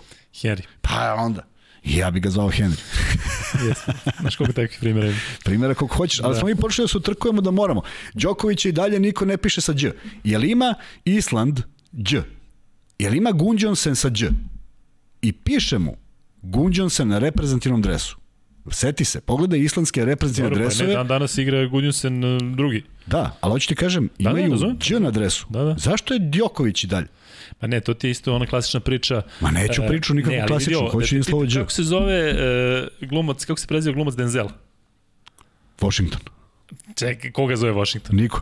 Sad si me pitao, pa ti ja kažem. A kako se zove glavni grad? Uh, Washington. Pa, pa o tome ti je priča. ovaj, ali, uh, sećam se samo kada je došao RZS-a, ne znam, ti isto ne, da piš. RZS-a futbaler dolazi u Partizan. I sad RZS-a piše RZS-a. I onda ti dođe neko i kaže, pa nije, on je Jones. Isto to imamo sa ovom Šiontek. Iga, uh, u tenisu vratno nemaš pojma o čemu pričam, ali piše Iga Svijatek. S, W i Jatek. I odjedno je ona Šljontek. Šljontek. Šljontek. Vidi, ima, da ima, ja jedva čekam. Sreća da je taj Šljonsk više neće, ovaj, kada bude i bilo u Poljskoj, nećemo ni da pomenjamo mnogo meča. Ja jedva ovaj, čekam ukrštene reči sa šest slova francuski futbaler počinje na M. Dobro. Mbappe. dobro. Ove, dobar, dobar. Ajde da pređemo ajmo dalje, na, ajmo dalje. na Slask. Ja, sad neko drugo dete zove. E, ajde pričamo da ja odem. Partizan Slag 75-73, neverovatan meč, neverovatna završnica. Partizan je vodio, kontrolisao taj meč u prvom polovremenu, međutim onda je Slask u sred arene počeo da, da igra kao Šljonsk i na kraju smo imali, čini mi se najinteresantniju završnicu, bilo je Partizan igra u ABA ligi, slično nešto, ali ono način na koji je dobio Partizan, ja mislim da su oni uh, od tog meča dobili više od pobede, zašto je stvarno izgledalo u posljednjih 30 sekundi da taj meč ne može da se dobije. Ono verovatno opet jeste bio faul, čak i Euroliga, odnosno Eurocup je priznao da je to bio faul, ali sve u svemu, mislim da je Partizan, i rekao sam ti da Slask neće biti um, da neće biti laka utakmica. Ispostavilo se da je jedno od najtežih. Ispostavilo se da se bio u pravu, ja sam mislio da će biti lakše. Ovo što je Euroliga zaključila, iskreno da ti kažem, uopšte me ne zanima. Zato Naravno. što smo svi bili svedoci da je Vranković vratio loptu od table u koja je išla u koš, pa nikom ništa. Tako, ko, je, ko je bacio loptu tada? Ne, ne, ne, ne znam, potpuno nevažno, ali hoću da ti kažem, to, da, takve stvari se dešavaju. Sad neko izlazi tu i kaže bio je. Pa ajde vratimo još neke stvari koje su, zato pitan, koja je ključna stvar na toj utakmici? Je li zaista ta koja se desila u poslednjoj sekundi ili si, ili si na isti način izgubio 10 lopti? Ajde, nije ni važno. Uh, ono što je bitno, Partizan je pobedio, ono što ne može da bude dobro, to je da se iz utakmice u utakmicu ponavljaju ovakve završnice. Ja sam gledao, uh, pratio rezultat uh, Partizan Mornar u posljednjem kolu i mislio da je to završena utakmica na 14 razlike za Partizan. Nisam mogao da pogledam utakmicu jer prosto bio sam sprečena i nemam gde da gledam. I ovaj, Šest pojena u trećoj četvrtini. Dakle, činjenica je da kad Pantera nema, ne sme Partizan da stane potpuno i mislim da je tu najveća nervoza uh, Željka Obradovića, koja je još uvek evidentna, iz prostog razloga što neke stvari moraju da se menjaju. Ne može više sebi Partizan da dozvoli završnice od, od, od sjaja do, do, do panike, iz prostog razloga što će se desiti dve utakmice Tako koje je. će o, o, oboriti tim i potpuno ih baciti u jednu drugu I priču. I neće dobiti kao što su Tako dobijali ovako. Dakle, ovde su nagrađeni na jedno, jedno veliko zalaganje, da se razumemo, potrošnja igrača Partizana je, je, je nenormalna. Sve ove utakmice Evrokupa koje sam gledao, to je zaista za svaku pohvalu. Ali a, a, veliki broj poena u posljednje vreme a, primaju, dva, tri razigrana igrača i opet se naravno ono što ne sme i što ne verujem da Obradović želi da se sve svodi na tog jednog igrača koji je raspoložen. Nije to njegova koncepcija igre, bez obzira što je Panter neko ko se i može da iskreira, ali i on traži šrafu u ekipi od kojih se očekuje bolja igra nešto, nešto, meni je mnogo žao što Zagorac nikako da ispliva, ja više ne znam ni da li on ima dovoljno kapaciteta, uh, pre svega uh, u glavi da se da se izdigne iz svega. Uh, Dangubić uh, uh, igrač koji neosporno ima preispozicije koje mora i može da koristi na mnogo bolji način. Uh, Dopada mi se što Koprivica sve više poena daje, ne zato što postiže poene, nego zašto je to dečko koji je jedna beba u suštini. Just. Igrao je košarku u Americi koja nije na ovom nivou, došao očigledno da ima veliko poverenje Obradović u njega. Radi se o dečku neospornog talenta i to smo videli kad smo ga doveli prvi put uh, na U18 reprezentaciji kad se pojavio verujem i Vlada Jovanović, bivši trener Partizana je tada bio selektor i prvi koji za kojeg se znalo da će putovati u, u Slovačku je bio Balša Koprivica iz prostog razloga što ne možemo da dozvolimo da ispustimo takav, takvog, takav talent koji nije bio u takmičarskoj košaci kao što su to bili Pecarski i Petrušev. Prosto ovi su već imali u nogama i haha i, i iskustva i, i, i svega. Međutim, evo ga, on sve bolje partije pruža iz utakmice u utakmicu i zaista je Obradoviću potrebno još jedno, dva imena na koje može da se osloni u svakom trenutku. Ne znam šta je sa Panterom i zašto, zašto još uvek, koliko je ozbiljna povreda zbog koje je pauzirao, ali bi naravno bilo zgodu da se što pre vrati, jer Partizan takođe čeka sa taj neki rasplet uh, sa jednim pristojnim uh, učinkom koji je možda i uh, pa možda kad bismo pitali Željka Obradovića, možda je zadovoljan, možda je iznad očekivanja, ne znam, ali za jedan novi tim ovo su dobri i dobri rezultati iz prostog razloga što nema onih lomova.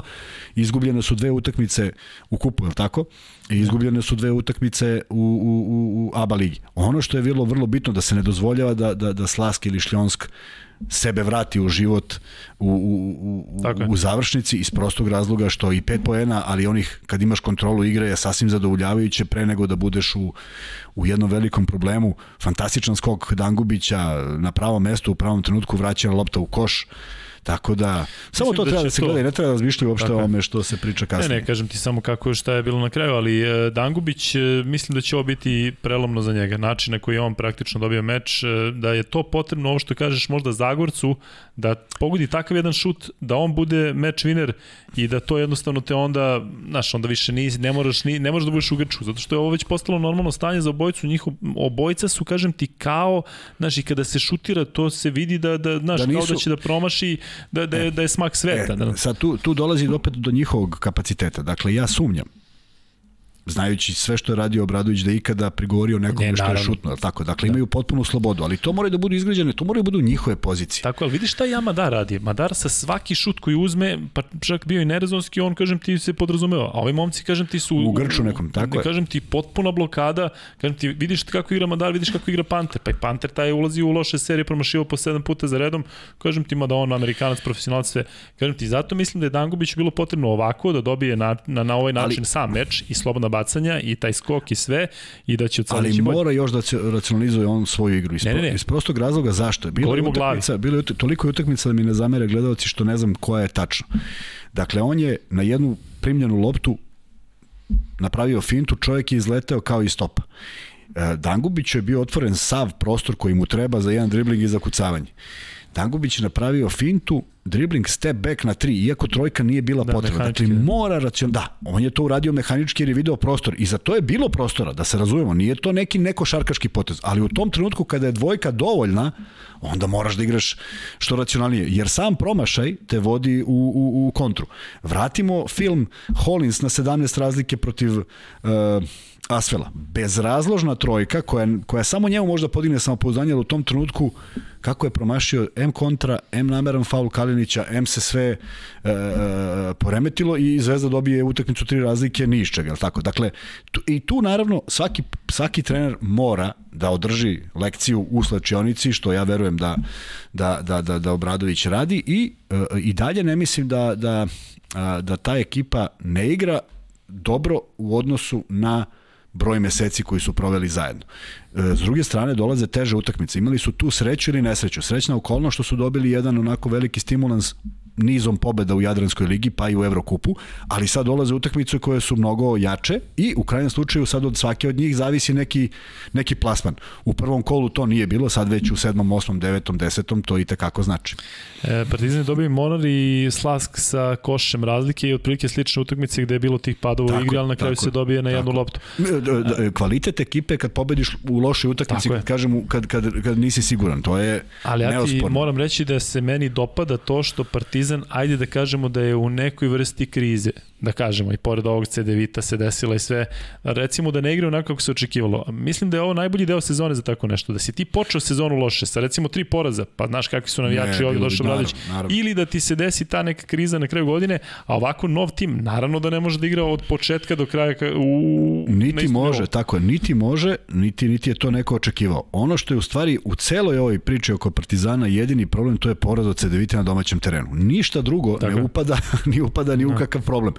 I to samo iz jednog razloga. Da je Cedevita pobedila 67-65, pa kažeš dobro, bili su malo uspešni, ili tako, ali Cedevita je postigla nenormalno veliki broj poena, a govorimo o uh, ekipi Partizana u kojoj su apsolutno svi neverovatno uh, fizički spremni.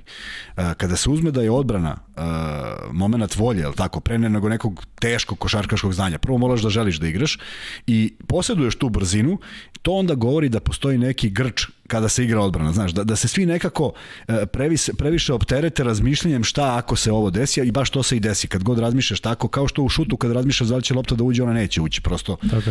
nema, nema, nema šanse da uđe. Prema tome, uh, Uh, čeka ih sad, ajde da kažem, ne kažem završnica, nisu ni oni došli do polovine, uh, uskoro će doći do polovine uh, sezone, ali ove utakmice sada zaista određuju dalji plasman i vrlo je bitno biti među na vrhu što će biti težak zadatak ako se ne iskorene neke od ovih stvari, a to je, to je da svaki put sebe ubace u neku neizvesnu završnicu.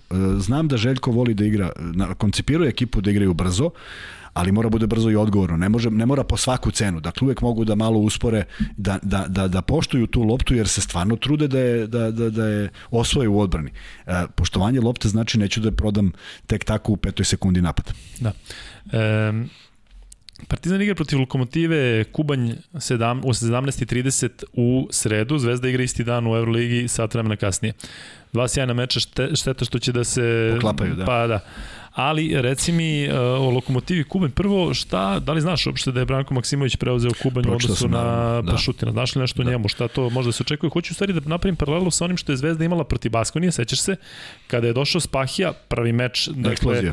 Isto sada prvi nešto jedin. možda se, tako je, bukvalno, ali možda se očekuje isto nešto sada sa Lokomotivom koja zaista ima fantastičan tim kada pogledaš koji su to igrači, ja znam da tamo neki momci koji bi ja pročitao jesu na nekom nivou Jacoba Pulena u smislu da, da ni nisu možda toliko timski da, da daću sada primer konkretno, ali e, definitivno imaju potencijal. Otprilike oni mi deluju kao Unix koji nije u formi. Eto, tako da kažem. Koji ima prostora za, za, za napredak. Tako je. I ovo je, kažem, nažalost Partizana prilika da se zaista opet, na, na šta mislim da je možda dobro za Partizan, da što je Branko Maksimović bio u klubu e, on je praktično, dakle, ne može, mislim da je mnogo veća razlika i sam znaš kao igrač kada ti dođe potpuno nov trener sa potpuno novim uh, idejama, nego kada praktično asistent preuzme, zato što on verovatno Tako neće na prvoj utakmici, da. sada ne znam šta da menja. Pa neće ni Maksimović, ne, ne, nije, nema dovoljno vremena, prošlo je 5-6 dana, je tako? Dakle, neće on sad promeniti tu, možda ubaci neke akcije koje uh, vrlo brzo mogu da se shvate, koje su jako jednostavne i negde da, uh, ono što je najveća stvar kod, kod dolaska novog trenera, da nađe mesto svakom igraču, znaš. Uh, ne mora ni to da bude recept za uspeh, ali uh, činjenica je da ako je postojala nesuglasica na relaciji igrači pa Šutin, da će on igrati za nijansu slobodnije, baš ono što je uradila Baskonija, koja je odigrala utakmicu sezone. Ja ne verujem da će oni ponoviti u bilo kom mm. procentu onakvu utakmicu. Možda i nikada više. Možda i u ovoj sezoni sigurno ne. Tako da, uh, može da bude nezgodno uh, i, i naravno nezgodno je za Partizan što je teško skautirati. Sad može da pretpostavi šta će oni da igraju na osnovu nekih akcija, ali uh, može se desiti da poremeti sve. Može da uvede samo tri nove koje će vrteti, a tek moraš da ih saznaš u momentu kada dođeš. Prema tome, uh, s druge strane i Željko može da promeni neke, neke stvari kojima, koje su evidentne u ovom periodu, tako da biće, biće dobra utakmica.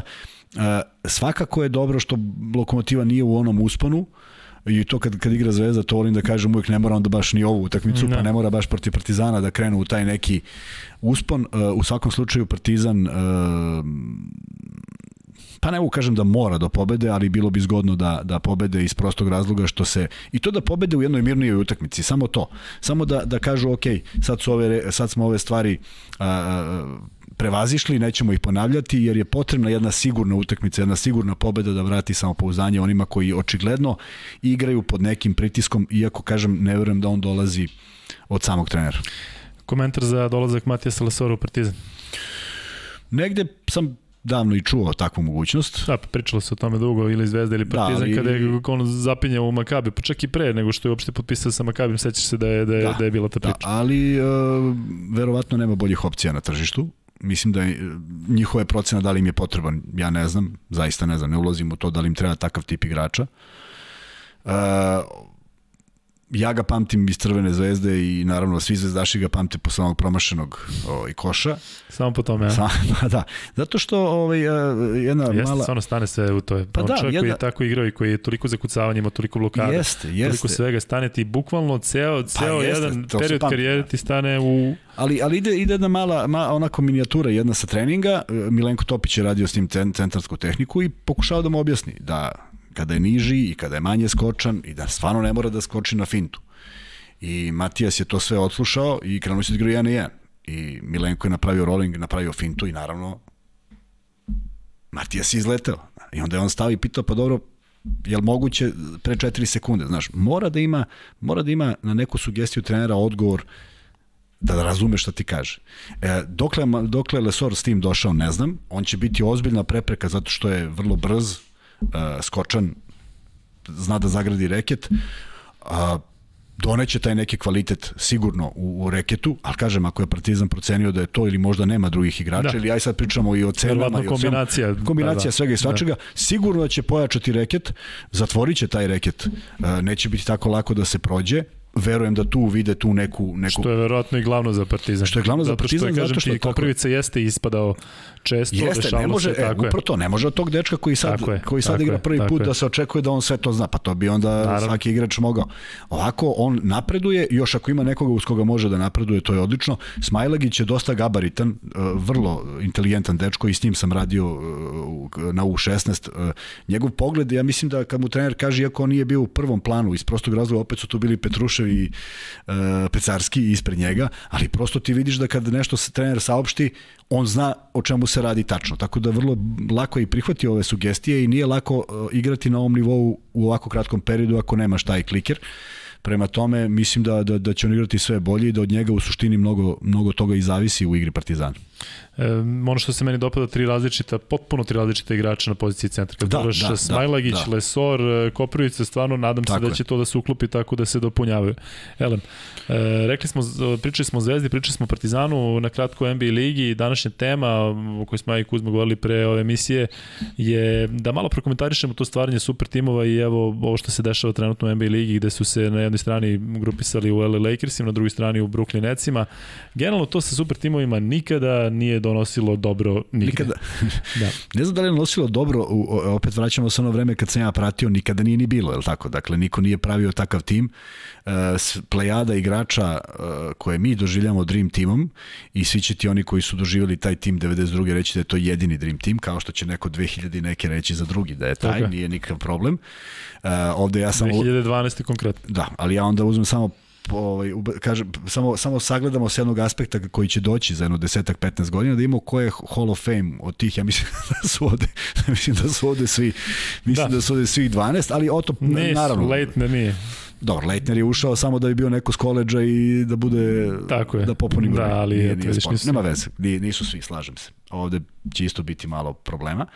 Uh, izjava Birda, Magica, Jordana, Pa mi smo mogli, ali nikad nismo hteli da igramo zajedno. Dakle, u stvari, najveći izazov bio da ti igraš jedan protiv drugog. Prvi, prvi najizgled super tim koji nije napravljen uopšte e, e, za mene, koji nije napravljen uopšte kao super tim koji se profilisao je bio Detroit Pistons. Zato što si imao jednog fantastičnog Joea Dumarsa, pa si imao jednog neverovatnog napadača Ezeu Tomasa, pa se pojavio Rodman koji je radio sve ono što je posle radio u Chicago u nekoj blažoj verziji, jer je tek tada dostigao neki nivo, ali su tačno kompletirali sve ono što je što je potrebno. Tako je, nisu došli, znači nisu došli, tako nisu je. došli tako sa strane nisu došli. kao gotovi igrači, pa čak uh, Pippen, ajde da skupim. Pippen u prvoj sezoni je proveo više vremena na parketu jer nije mogao da igra uh, ligu zbog zbog fizikalija, proveo više na parketu nego što je bio u košarci da bi on godinu dana kasnije eksplodirao i onda sačinjavao jedan od najlepših i najboljih tandema, a onda kad su se nakačili posle i Harper, pa kad su došli svi oni prateći sa sve kukočem, pa ti onda gledaš Luka Longlija i shvatiš da čovjek može da igra košarku u drugoj ekipi, ne bi mogao. Horace Grant koji je bio izuzetan, uvek su imali, uh, Chicago je vodio računa da su neverovatno, beli šuteri su im uvek bili, bitni. Bill Paxton. Bio da. je onaj e, Chad Butler, Ted Butler. Bushler, Bushler, Bushler, kako ga, pa nismo znali kako ga zovemo. Pa on da. čovjek, da. prosto mu Bukler, nacrta, ja prosto mu da nacrta, nacrta mu mesto na kojem yes. treba stoji svaka lopta koja dođe do njega, bez razmišljanja, on nema dribling, on bez razmišljanja diže i daje, što je najsmešnije. Tako da, on ima najviše titula sa Jordanom, a koje on proveo. Ja mislim da bar 3-4 godine proveo tamo. Da. Uh, Elem, um, ovo sa Lakersima ti ne izgleda dobro. Ovo što ne, su ništa tog tipa, ništa tog tipa, zato što je sila, znaš. Ali pazi, ja kad sam bio u Americi, dakle, ljudi pamte, ljudima možda čak i nekima i nije bitna titula, a govorimo o marketinškom potezu da opet kažem razumem. Dakle, ti sada imaš Brooklyn koji je pun bivših All-Starova, sadašnjih All-Starova, dakle možda ih nabrojiš sedam, imaš u Lakersima isto šestoricu, sedmoricu koji su osvajali titule, koji su bili All-Starovi, Znaš, mislim da to ljudima znači, zato što ja kada sam bio u Americi, ili se navija za LA Lakers, ili se eventualno navija za Boston, niko ne navija za ove manje timove. Ne bi verovao koliko u Americi uopšte ne prate, zato je za njih i bilo iznenađenje, zato se toliko digla frka zašto je Jokić bio um, MVP, M što je Jokić, M što je iz Denvera. U Denveru košarka nije popularna i verovali ili ne, ja mislim da i dalje je dres Jamala Mareja popularniji od uh, Nikola Jokića. Ja kada smo radili NBA, kada smo komentarisali sad u polovremenu ono što publika ne vidi, ide dakle neka anketa i sada pitaju u koji ti omiljeni igrač. Govorimo o sezoni kada je Nikola Jokić e, bio u, u drugoj petorci lige. E, Marej, e, šest odgovora, možda jedan Jokić. Dakle, kažem ti, drugačije mi gledamo odavde i drugačije mi gledamo tamo. Ja s kim god sam pričao, bilo gde, bilo LA Lakers i LeBron James. LA Lakers i LeBron James. Da li, kažem ti, to, znaš, nije uporediva košarka ovde i u Americi gde, kažem ti, taj marketnički moment je ipak jako. Da ti odeš na utakmicu, dobili, ne dobili, idemo dalje. Kažem ti, Lakersi kada su izgubili onako od Phoenixa na, na, u play-offu prošle godine, Misliš da, da je to nekoga zaboli, ne znam da je neko nije spavao noć. Ovde kažem ti kada se izgubi jedan meč, diže se, znaš, ne, kažem da je možda taj odnos prema sportu Jeste okay, drugačiji. da ne, dozilj, ne, do, ne doživljaš toliko emotivno i da sad, kažem ti, ti se život raspadne ako se izgubi ili da si pet dana srećan ako se pobedi. E, znam, ali, ali opet, opet govorimo o nečemu što je, što je NBA predstavljala. Znači sad govorimo samo o njihovim pravilima, ali tako? Ona su se promenila. Ne govorimo da li mi to doživljamo lepo, ružno. Ili, ranije si imao, I ranije si imao te franšize, znači Boston, Lakers i eto Detroit se tu mešao, Chicago su mešao igrom slučaja, ali opet i veliki grad. Ti nemaš nijedan primer, ti praktično Čekaj, imaš tamo imamo, situaciju ja... kao kod Partizan i Zvezda. Dakle, imaš timove koji se forsiraju, samo što se kod njih to forsira na drugi način kažem ti, tamo guraš sve. Sad ne možeš ti da zabraniš da neko ima... Znam, ali čak imaju naj, najpošteniju raspodelu igrača, tako? Da li će neko, pa tamo na draftu, je tako? Na draftu, pa da. Sreću, kuglica ide da, ovamo, da, ide da, onamo. Pa da. drugi, e sad, druga, drugačije su, vidi, prvo neko se više zanima za košarku, neko manje od tih klubova, je tako? A, po toj logici o kojoj si pričao, nemoguće da New York nikad ništa nije uradio, a nikad ništa nije uradio. Da, ali, ali se guralo u Knicks, sećaš se koje se dolazi? Ali, ali, tako i, je, i prosto ne, i e, sve. E, prvo to kažem, tako prosto je. nešto nije tako. moglo da zaživi. Dakle, nije bitno da li se gura, o tome i govorim. Ako guraš, guraš, guraš, može da bude i nula.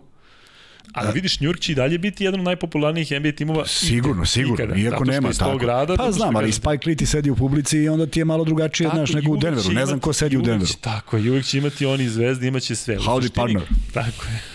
Ali kažem ti da je generalno, znaš, imamo sličnu situaciju kao ovde, a potpuno drugačije izgleda. Imaš Opet. klubovi koji se forsiraju, s tim što, kažem ti, nemaš ti košarkaške centre, kao što Čačak, Kragujevac nema, nikada neće biti Denver, nikada neće biti Memphis, tamo gde se, ne znam, pokušavalo, taj Sacramento.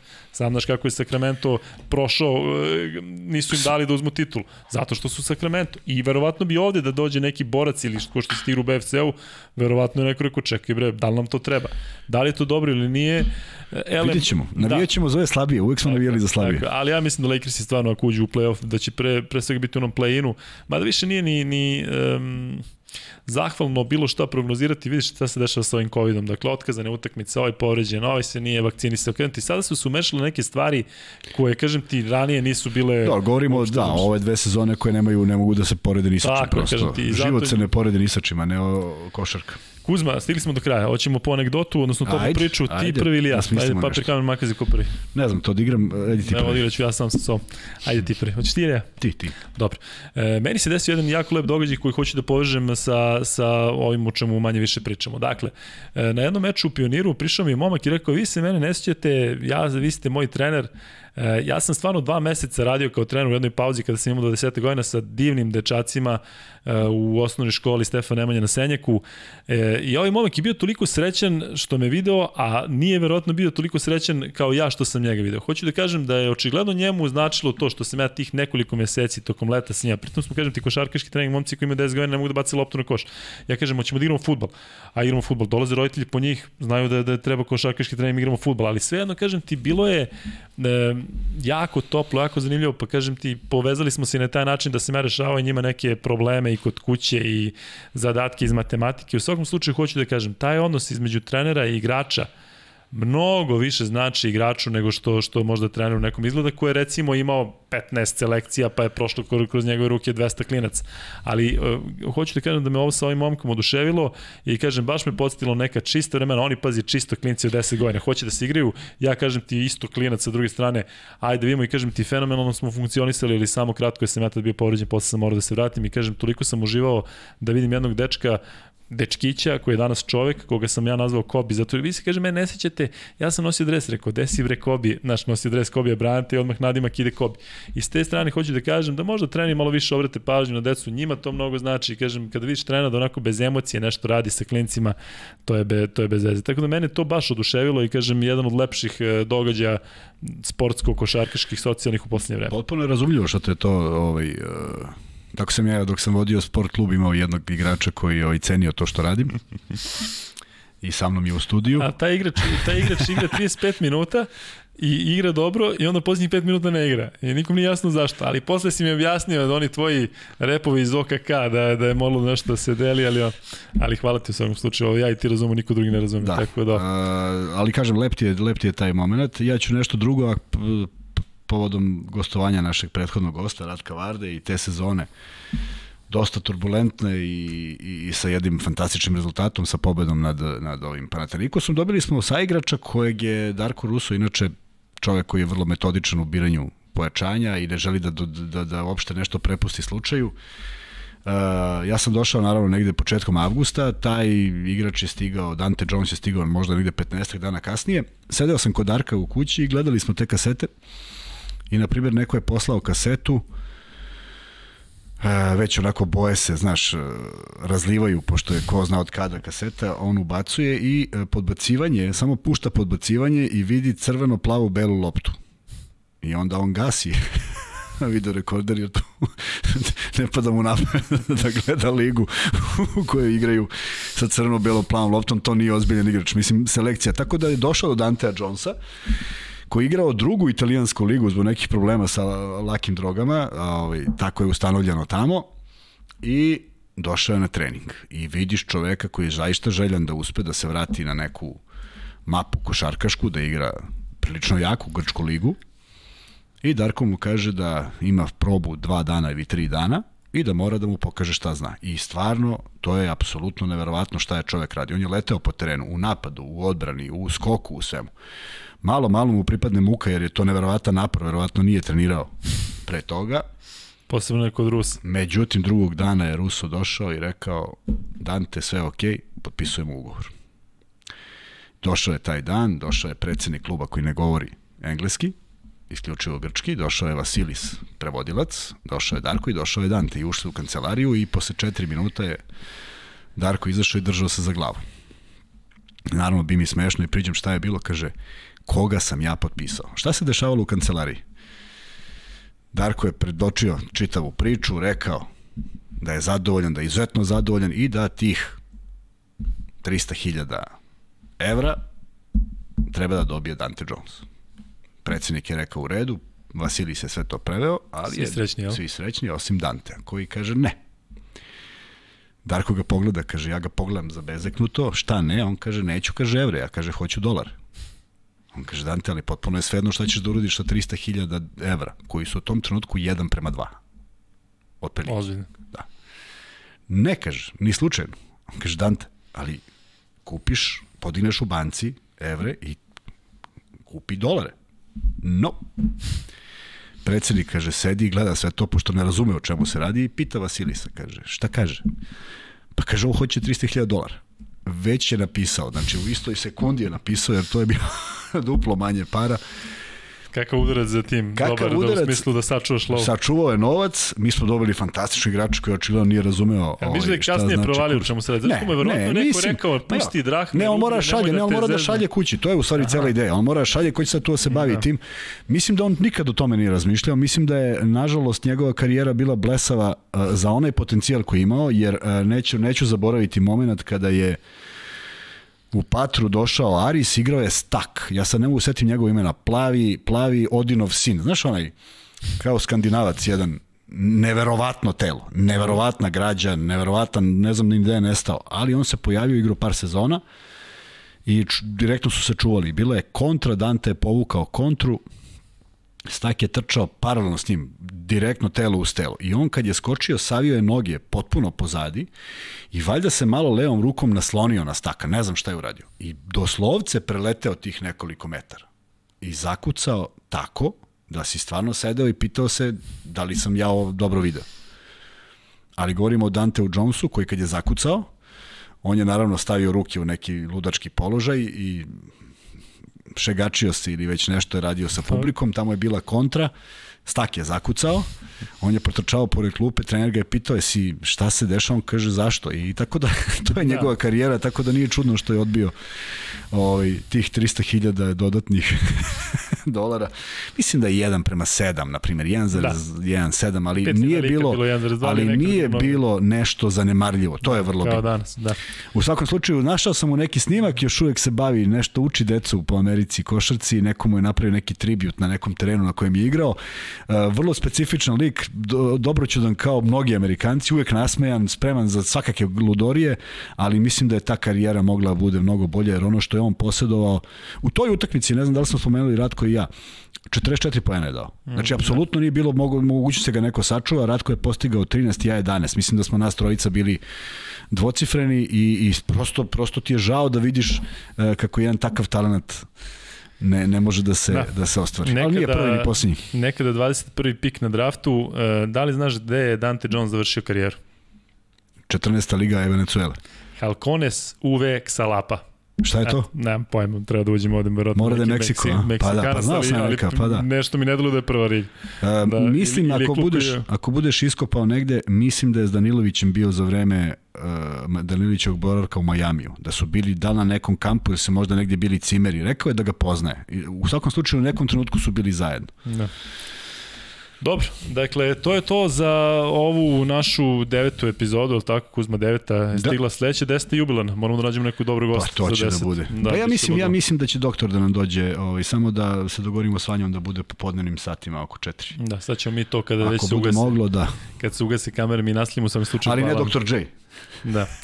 E, hvala što ste bili sa nama i, Dr. i sada.